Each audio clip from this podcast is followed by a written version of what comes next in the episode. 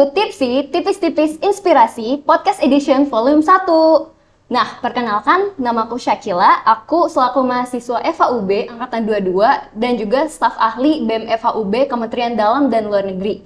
Nih, di sini aku nih gak sendiri nih, tentunya. Halo semuanya, perkenalkan aku Rama, aku juga dari Angkatan 2022. Sama seperti Syakila, aku juga staf ahli BEM FAUB Kementerian Dalam dan Luar Negeri. Kerasa ya tahun 2023 tuh udah masuk ke bulan 5 aja. Instagram story aku tuh udah penuh story-story orang yang mau sempro. Jadi semprolation ya untuk kalian yang mau sempro. Uh, semoga lancar sampai lulus.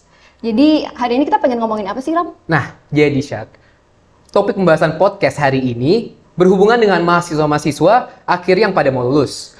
Topik yang jadi kegalauan mahasiswa ak akhir yakni S2 versus kerja. Jadi selesai S1, mau lanjutin S2 atau langsung kerja ya? Waduh, waduh, topik yang katanya menggalaukan ini akan kita bahas nih sama alumni uh, Fakultas Hukum Universitas Brawijaya. Uh, kakak yang super kece ini udah kerja di salah satu law firm di Malang, sekaligus uh, sedang menempuh pendidikan magisternya, magister hukum di Universitas Brawijaya juga. Ya ini uh, kakak Jefarel Hidayat.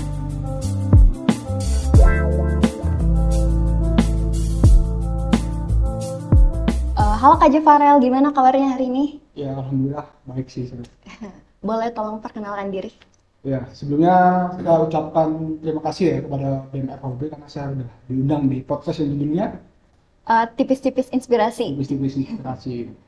saya tuh alumni Fakultas Hukum Universitas Brawijaya di angkatan 2018. Dan saya lulus di angkatan 2022 kemarin. Hmm. Saya asli Malang dan umur saya sekarang 22 tahun. Makasih atas perkenalannya ya Kak ya. Farel. Terus makasih juga udah datang ke podcast kita kali ini. Ya. Jadi kalau gitu kita lanjut aja ya langsung ke interviewnya. Boleh. Oke, okay, uh, eh, jadi Bang, aku mau lanjut ya Bang. Ya. Uh, sekarang kan topiknya itu lanjut S2 atau kerja. Itu kan hangat banget ya untuk teman-teman yang semester akhir, yang baru mau lulus. Ini banyak banget yang kebingungan nih mutusin untuk selesai S1 tuh langsung kerja atau langsung S2. Nah, KJ Farel sendiri kan nih baru aja lulus kan yeah. Iya. S1 di Fakultas Hukum Universitas Brawijaya tahun 2022. Dan sekarang juga udah kerja di law firm ya kan yeah. sebagai konsultan hukum uh, sambil berjalan kerja juga kakak ini melanjutkan pendidikan magisternya. Yeah. Nah, jadi aku tuh uh, mau nanya, apa sih yang membuat kakak itu setelah uh, selesai program sarjana ini memutuskan untuk bekerja tapi juga akhirnya memutuskan untuk melanjutkan S2? Yang pasti yang pertama ketika saya cerita dulu, saya kan lulus di tahun 2022. Nah, saya juga pernah merasakan kebingungan nih setelah lulus. Saya mau ngapain ya setelah lulus ini, mau ke mana arah saya. Nah, kemudian saya masih punya waktu berpikir sekitar semingguan untuk melanjutkan kehidupan saya itu gimana ke depannya. Karena kan nanti pas dalam saat lulus kan kalian akan menemukan suatu situasi yang berbeda ketika saat kalian berpikir dan sebagainya ya setelah seminggu saya berpikir tuh akhirnya saya cobalah untuk melanjutkan karir di profesional hukum sebagai lawyer. Ya akhirnya saya masuk melamar di salah satu law firm di Malang. Dan akhirnya langsung diterima nah setelah saya di law firm tersebut saya merasa bahwa keilmuan saya ini masih belum cukup atau kurang. Karena saya melihat bahwa di S1 apalagi kan pada saat ke keadaan saya kan keadaan pandemi COVID-19. Yeah. Ya, kita mau berharap apa pada saat keadaan seperti itu secara akademisi ya. Kita harusnya mendapatkan suasana dalam kelas yang kita harus dapatkan, tapi malah kita hanya sekedar uh, mendapatkan Zoom meeting dan lain sebagainya, ya kan. Nah, di situ saya merasa bahwa wah kayaknya keilmuan saya ini kurang nih di sini. Di secara hukum saya masih kurang. Akhirnya saya mencoba untuk melanjutkan studi S2 di tahun 2023 dan alhamdulillahnya saya bisa melanjutkan studi tersebut dan diterima di Universitas Brawijaya di Magister Ilmu Hukum. Nah, sebenarnya untuk saat ini keadaan saya tuh masih belum memulai perkuliahan. Jadi saya masih aktif bekerja di law juga ke depannya saya juga aktif berkuliah. Hmm. Uh, terima kasih banyak ya Bang untuk uh, jawaban pertanyaan itu. Uh, mungkin selanjutnya, Syakil. Uh, jadi uh, menurut Kak Jafarel tadi, ini follow up question dari jawaban Kak Jafarel hmm. tadi. Uh, apa sih uh, Kak Jafarel punya pertimbangan gak sih dalam melanjutkan kerja sama S2 gitu? Ya, pasti kalau pertimbangan saya itu dari tadi ya, saya di umur 22 tahun dan sebagai fresh graduate, saya merasa ketika saya menemukan lingkungan baru dan orang-orang baru itu, bahwa sebenarnya fresh graduate S1 itu menurut saya itu masih kurang untuk di dunia profesionalitas kerja hukum dan dunia lain, dunia pekerjaan lain.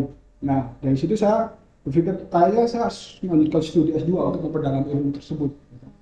Untuk memperdalam ilmu tersebut saya harus melanjutkan S2 dan juga sebagai konsekuensi yang sudah saya pikirkan bahwa nanti ketika lulus S2 lapangan pekerjaan yang akan saya dapatkan itu pun semakin terbatas. Ya. Hanya sebatas pada profesional hukum dan juga mungkin akademisi dosen dan juga mungkin beberapa jabatan penting di perusahaan.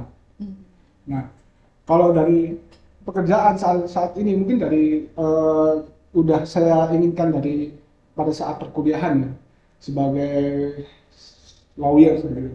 Karena saya melihat role model beberapa lawyer di Indonesia kan juga keren gitu. Iya, iya, iya. Itu yang sebenarnya memotivasi saya untuk menjadi lawyer sebagai profesional hukum.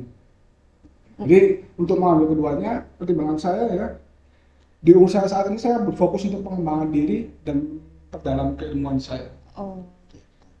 Jadi eh, Kak Jafarel punya tips and trick gak buat eh, mahasiswa yang mau lulus S1 yang lagi galau nih untuk memutuskan eh, lanjut S2 apa kerja gitu?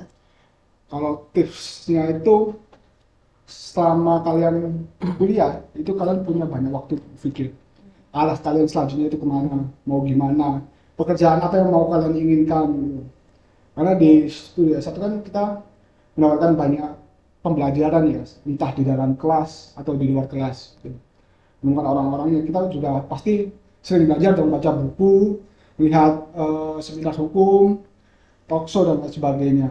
Nah, kita bisa menempatkan diri kita tuh, kita arah passionnya itu di mana. Gitu. Kalau misalnya kalian memang ingin jadi nyoba di karyawan di perusahaan ya silahkan. Kalau kalian memang ingin melanjutkan kedalaman ilmu kalian dan juga untuk menjadi akademisi atau profesional hukum, ya ngambilnya S2 atau mungkin kalian bisa nyoba-nyoba lain di law firm atau CPNS, BUMN dan sebagainya. Semua itu tergantung dari apa yang kalian pikirkan atau pada saat perkuliahan kalian tuh eh, cita-cita kalian itu seperti apa sebenarnya. Jadi banyak waktu di S1 itu kalian untuk memper memper apa, memperdalam passion kalian itu di mana. Gitu. Entah di penulisan, di aktivis dan sebagainya. Karena di S1 itu adalah saatnya kita belajar. Bukan saatnya kita apa ya berpraktek dan lain sebagainya. Ya. Karena S1 itu waktunya belajar, baru hasil dari kalian lulus S1 ini bagaimana? Lulus kalian S1 ini bagaimana? Jadi kan pembuktian pembelajaran kalian itu setelah lulus, bukan pada saat kalian belajar. Dan kemudian ya kalau untuk tips and triknya jangan apa ya, jangan pernah mengambil keputusan atas didasarkan dari tekanan sosial kalian. Karena kalian kan nanti kan pada saat lulus tuh kan pasti berpencar dengan teman-teman kalian. ya kan? Karena nanti hanya bisa menjadi penonton di sosial media doang kan. Kehidupan teman-teman kalian. Nah, kalau kadang kan ada orang yang mungkin sudah eh, mempublikasikan mereka dan sebagainya dan sebagainya. Itu kan jangan pernah kemakan hal tersebut. Karena orang yang kalian lihat di media sosial tuh belum tentu ke depannya itu juga bakal lebih sukses dari kalian. Karena menurut pendapat pribadi saya, kesuksesan itu bisa diukur, kesuksesan manusia itu diukur di umur 30-an, 30 40-an. Itu adalah pembuktian kesuksesan kalian menjadi siapa. Ya. Karena di umur sekarang kalian saat ini itu waktu-waktunya kalian itu untuk apa ya? Mencari jalan, belajar, untuk menimpa diri lagi. Dan jadi jangan pernah berpikir kalau first graduate itu ya saatnya kalian udah matang dan lain sebagainya. Karena saingan kalian itu bakal lebih banyak lagi. Dan kita hitung saja berapa lulusan S1 sarjana hukum kan bakal bersaing-bersaing dan lain sebagainya sehingga sudah hal biasa lulusan S1 ilmu hukum itu saat ini. Nah tergantung daripada diri kalian itu bagaimana pembawaannya. Setelah kalian belajar S1 apa aja yang kalian dapat? Kan buktikan di setelah lulus itu. Karena kalian baru bertemu lingkungan baru orang-orang baru. Nah bagaimana kalian bersosialisasi bersosial gitu. Juga di situ? Karena sebenarnya kalau pendidikan S1 itu kan kita di kalau kalau nggak di dalam kelas ya kita belajar sesuatu di mana di organisasi Iya. atau pada saat magang dan sebagainya. Jadi jangan berpikir kalau kalian lulus S1 pola pikir kalian itu harus sukses di usia muda dan lain sebagainya gitu ya kan karena sukses usia muda itu kalau menurut saya itu sekarang tuh sangat sulit didapatkan gitu. Iya. karena sangat hampir hampir tidak mungkin lah kalau kita tidak mungkin keturunan dari raja dan sebagainya. Gitu. yang hanya tinggal menerima kelanjutan warisan saja. Kita sebagai generasi muda ya kita harus berani mencari tantangan baru itu tadi. Jadi dan pendidikan pun saat itu sebenarnya itu bukan suatu hal yang menjamin kesuksesan gitu. Ya kan? Seperti kan oh, pada umumnya role model kita yang orang-orang yang tidak bersekolah tapi sukses kan Bill Gates Iya. Nah, kan sekarang apalagi eh, narasi-narasi saat ini kan ngapain ngapain sekolah tinggi-tinggi orang yang nggak sekolah tinggi-tinggi aja juga ada yang sukses gitu. Contohnya Bill Gates. Sekarang saya tanya kepada kalian, berapa orang yang nggak sekolah terus menjadi Bill Gates? Jadi kayak Bill Gates. Dikit. Dikit sekali Dikit kan, kan di bawah 5 persen kan ya. Iya. Dan saya mau tanya, berapa posisi direktur atau jabatan penting di perusahaan yang dia nggak bersekolah?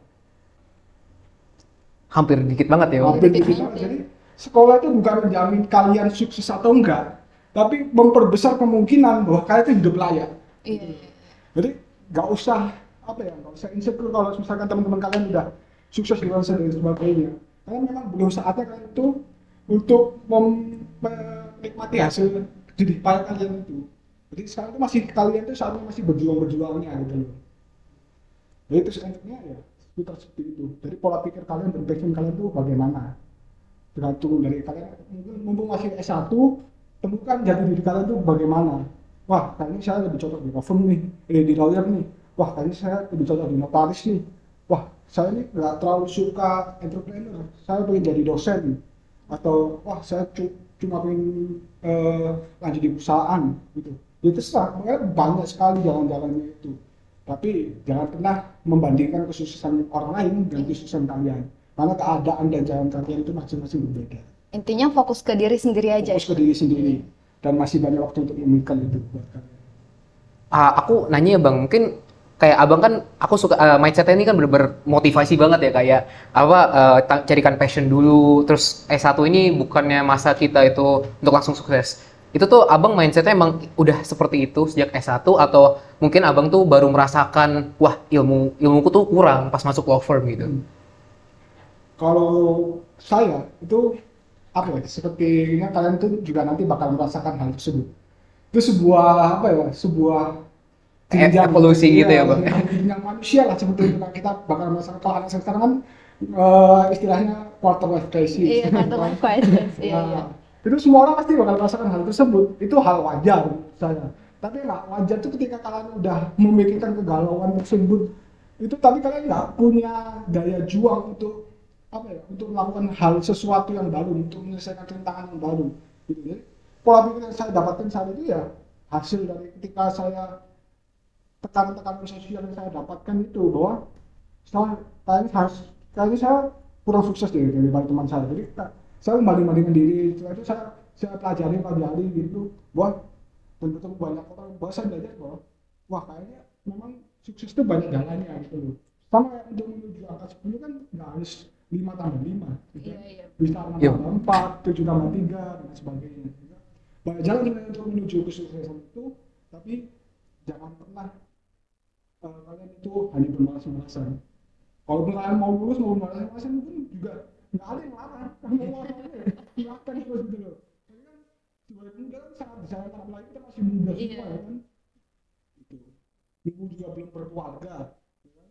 jadi semangat belajar semangat untuk mencari pengalaman itu harus harus tinggi jangan sampai kita bermalas di rumah dan sebagainya kita melihat media sosial teman-teman udah kayak gini terus kita mas-malesan mau lihat Tapi itu jadikan semangat buat kalian untuk berpikir bahwa saya juga bisa sukses seperti mereka tapi dengan jalan yang berbeda nah, setiap orang punya jalan yang sukses masing-masing Eh, mungkin ini juga bang untuk apa kan eh, abang bilang kan bebas kan kita tuh mau mengatasi kegalauan kita tuh gimana. Hmm. Tapi misalnya abang pribadi tuh ada nggak misalnya kita tuh jalur yang paling mungkin memungkinkan kita mengatasi kegalauan ini caranya gimana? Apakah kita ekspor sendiri, organisasi atau gimana?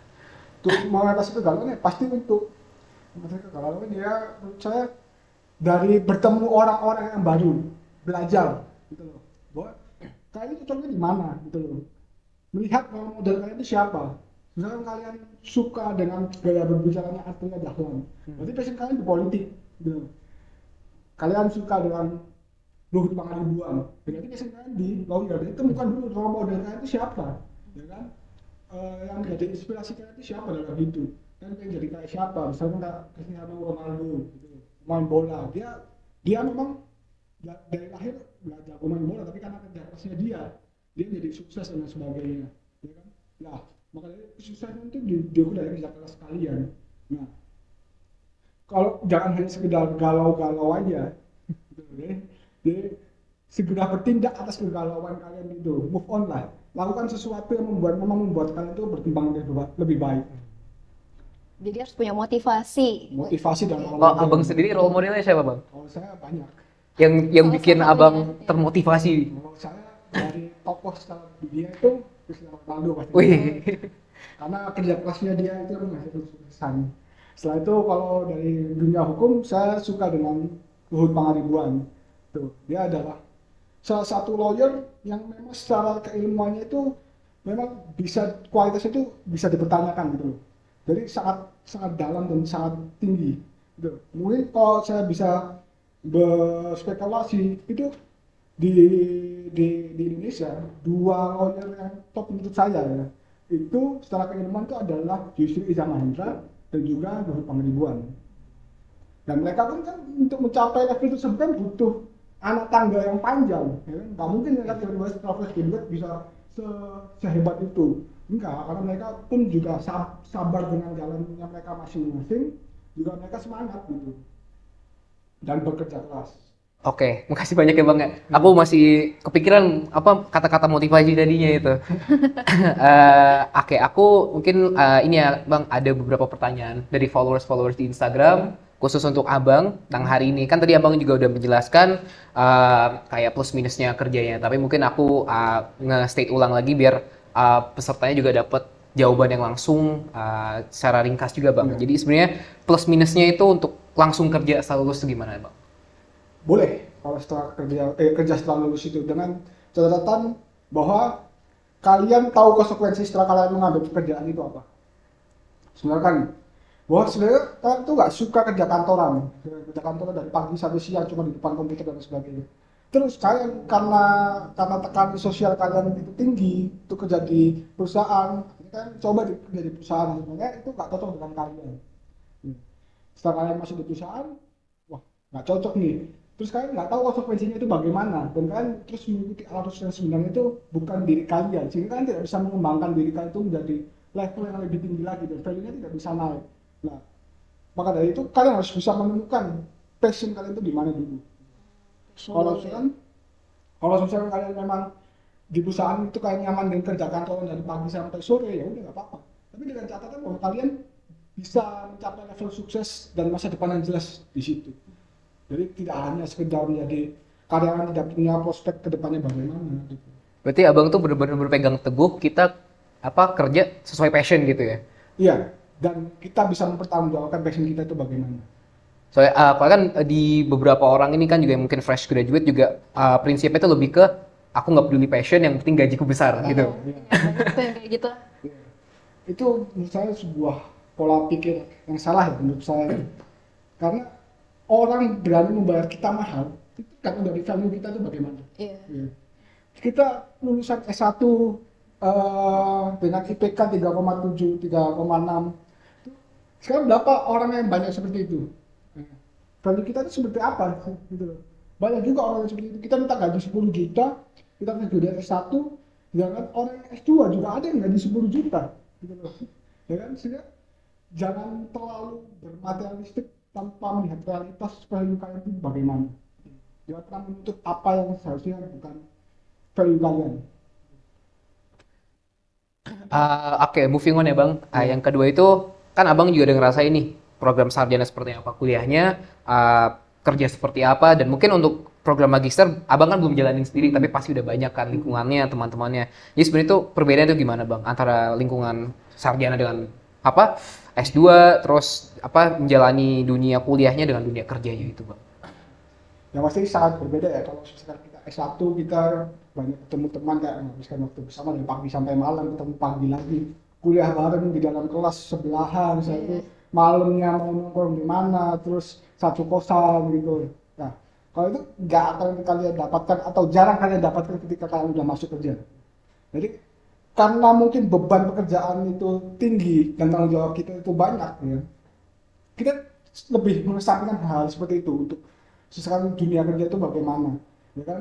Kita bekerja secara profesionalitas apalagi persaingan di dalam perusahaan itu kan juga gede. Siapa yang mau naik jabatan dia yang berkualitas ya kan? ini juga terlepas dari politik juga ya kan jadi bagaimana kita cara kita untuk eh, menarik hati atasan kita itu dengan bagaimana ya kan? jadi secara profesional kita kerja dan secara di kuliah kita jarang mendapatkan hal tersebut ya kan karena konsep dari di sarjana apalagi ya ketika kita berorganisasi kan kayak teman dan sebagainya keluargaan konsepnya nah, itu yang mungkin jarang kita dapatkan di di lapangan Jadi aku mau nanya deh kak, kan kalau misal eh, kakak kan akan menempuh itu kan kuliah S2 kan Iya. tahun ini. Nah kakak ada rencana untuk bagi waktunya sama kerja gimana? Nah. Kan kali aja kan ada penonton yang mau ngi- mengikuti jejak Kak J Farel ya. Jadi gimana rencananya? gitu? karena kan di sekarang gini saya kan di di Loveman juga full time full time tapi waktunya itu bukan waktu yang sangat kaku harus di kantor terus dari jam 8 sampai jam 5 sore dengan enggak kita juga di Loveman kita juga bertemu dengan klien kita sidang dan sebagainya sehingga waktu itu fleksibel nih di Loveman yang penting jangan lupa dengan tanggung jawab dan tugas kita apalagi di Loveman tanggung jawab kita juga bukan hanya kepada partner dan juga atasan kita aja, tapi juga kepada klien kita itu bagaimana. Ya. Nah, kalau misalkan dibagi waktu dengan S2, itu kan jadwal S2 dan juga jadwal bekerja kan fleksibel.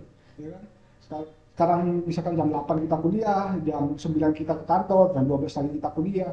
Itu hal biasa selama kita kuat menjalani hal tersebut. Gitu. Jadi kita mau bermalam-malam itu kita kuat dan kita kita saya rasa itu bisa menjadi suatu apa ya pembagian waktu kita. Berarti time manage-nya ya? Ya harus tanpa itu. Dan prioritasnya itu mau di mana? Misalkan kalau misalkan harus sidang dan berkuliah ya kan tanggung jawab kita. Sidang itu kan pada klien yang sudah membayar kepada kita. Apalagi kalau di di law firm itu kejujuran itu kan hal yang saklek gitu loh. Hal yang harus dipegang teguh dan juga kepercayaan gitu loh. Kalau kita mau percayakan klien siapa yang mau percaya kepada kita selanjutnya? Ya? Iya, iya, iya. ya jadi tergantung dari prioritas kalian di mana Tapi untuk menempuh program magister ini abang sendiri ada nggak kayak targetnya gitu? Kapan selesainya gitu? jadi kalau target saya untuk program magister harus dua tahun. Karena saya sudah menata kehidupan saya jadi di lulus saya umur 22 saya sudah ambil pendidikan khusus profesi advokat. Setelah itu saya lanjut S2 S2 saya sampai umur 25 setelah umur 25 saya sudah sumpah advokat. Setelah itu saya beracara itu kalau misalkan jalan saya sebagai profesional hukum tapi kan kita nggak tahu jalan ke depannya kita bakal berbicara seperti apa Eh, mungkin di apa abang timeline kan udah begitu rapi ya. Aku doain ya bang semua itu sesuai dengan timeline abang. Amin. mungkin kita juga bisa kapan-kapan belajar bang ke law firmnya abang. bisa bisa Semoga lancar ya bang S2-nya. Ya, nggak kerasa ya bang kita udah hampir di ujung acara bang. Eh, aku mungkin mau apa izin ke abang untuk kesan pesan dari abang dan juga kepada penonton yang menyaksikan podcast hari ini bang. Yang pasti seperti yang saya bilang tadi bahwa kita bersekolah itu itu bukan untuk kita menuju kesuksesan kita. Karena banyak jalan untuk kesuksesan tidak harus dengan sekolah dan sebagainya. Tapi sekolah itu untuk memperbesar kemungkinan bahwa kita hidup layak. Semakin tinggi kita bersekolah berarti semakin besar kemungkinan kita untuk. Layak. Jadi jangan pernah berpikir bahwa orang yang S2 itu lebih sukses daripada orang yang hanya S1. Itu enggak. Karena banyak cerita juga orang S1 itu bisa mengajar S3 seperti Rocky Gerung dan sebagainya. Jadi semua itu pasti ada jalannya masing-masing. Kalau misalkan kalian mau ambil S2 dan sebagainya, itu tergantung dengan situasi, kondisi, dan kemampuan kalian itu bagaimana. Kalau misalkan merasa kuat untuk ngambil S2, ya silakan ambil. Kalau kalian sudah sudah nyaman di pekerjaan kalian dan dengan prospek yang jelas ke depannya, ya udah silakan saja kerja di perusahaan. Atau kalian mencoba tantangan baru, yang lebih tinggi seperti profesional hukum, ya udah silakan kalian ambil di profesional hukum. Tapi tanggung jawablah dengan pilihan kalian sendiri. Jangan sampai kalian kalian mengambil pilihan, kalian menyesal dan kalian tidak bisa mempertanggungjawabkan. Jadi uh, itulah podcast kita bersama Kak Jeff Farel. Uh, terima kasih ya Kak Jeff Farel udah bersedia menjadi narasumber di podcast kita. Uh, apa pun keputusannya, semua ada di tangan kita sendiri. Tidak ada keputusan yang salah selama kita mengambil keputusan yang secara sadar dan disesuaikan dengan tujuan masing-masing ya Bang. Benar. Jangan mengambil keputusan atas dari tekanan sosial. Carilah keputusan atas dari memang pilihan kalian sendiri. Uh, berarti aku izin mungkin um, sebelum kita end of the podcast, aku mau mau nyampaikan lagi ya ke penontonnya apa yang aku udah pribadi dan mungkin Shakila juga dapat dari abang ya hari ini. Jadi intinya itu kalau menurut Bang Jeff Farel, hidup ini kan pilihan kita, ya kan Bang ya? Yeah. Kita jangan sampai social apa peer pressure ya, peer yeah. pressure kita jadi terpengaruh mau itu dunia perkuliahan, dunia pekerjaan, lifestyle, hmm. apa pun itu semua tuh harus pilihan kita sendiri ya Bang ya. Uh, dan kata Bang juga tuh ya basically kita ini hidup value-nya itu bukan ada di gelar kita ya Bang ya. Bukan di gelar, bukan di apa uh, apa pun materialistik itu, hmm. tapi ada di kita sendiri itu ya Bang ya. Jadi kita harus terus mengejar pendidikan kita dan juga value-value lainnya. Value. Dan passion juga. Uh, baik, mungkin Syakila yang dapetin dari podcast hari ini Ya kita tuh harus fokus aja ke diri kita sendiri, jangan uh, terpaku sama pencapaian orang-orang di luar sana jadi kita hanya hanya harus ya fokus aja ke diri sendiri gimana berusaha mencapai apa yang menjadi tujuan kita masing-masing. Gak, jangan peduli sama apa yang terjadi di luar sana, pokoknya fokus aja deh ke diri sendiri gitu. Gitu. Temukan passion kalian. Iya, temukan juga passion passion kita tuh di mana. Jadi work life sama passion ya bang ya semua tuh. fokus fokus pada passion kalian saja, jangan pernah apa ngambil banyak hal gitu Karena saya lebih menghargai orang yang fokus pada satu titik saja daripada kepada beberapa bidang tapi dia tidak bisa fokus dan maksimal. Iya, Lebih iya. maksimalkan aja dengan tujuan utama itu bagaimana. Untuk masih muda kan coba aja gitu loh. Ya, kalau banyak juga jadi pusing juga ya. Iya, malah tidak bisa maksimal dan bahkan jadi semuanya itu malah apa? Keteteran. Iya, Malah banyak mau gitu, nggak iya. dapet tapi yang kita sebenarnya pengen di awal. Iya. Bingung gitu.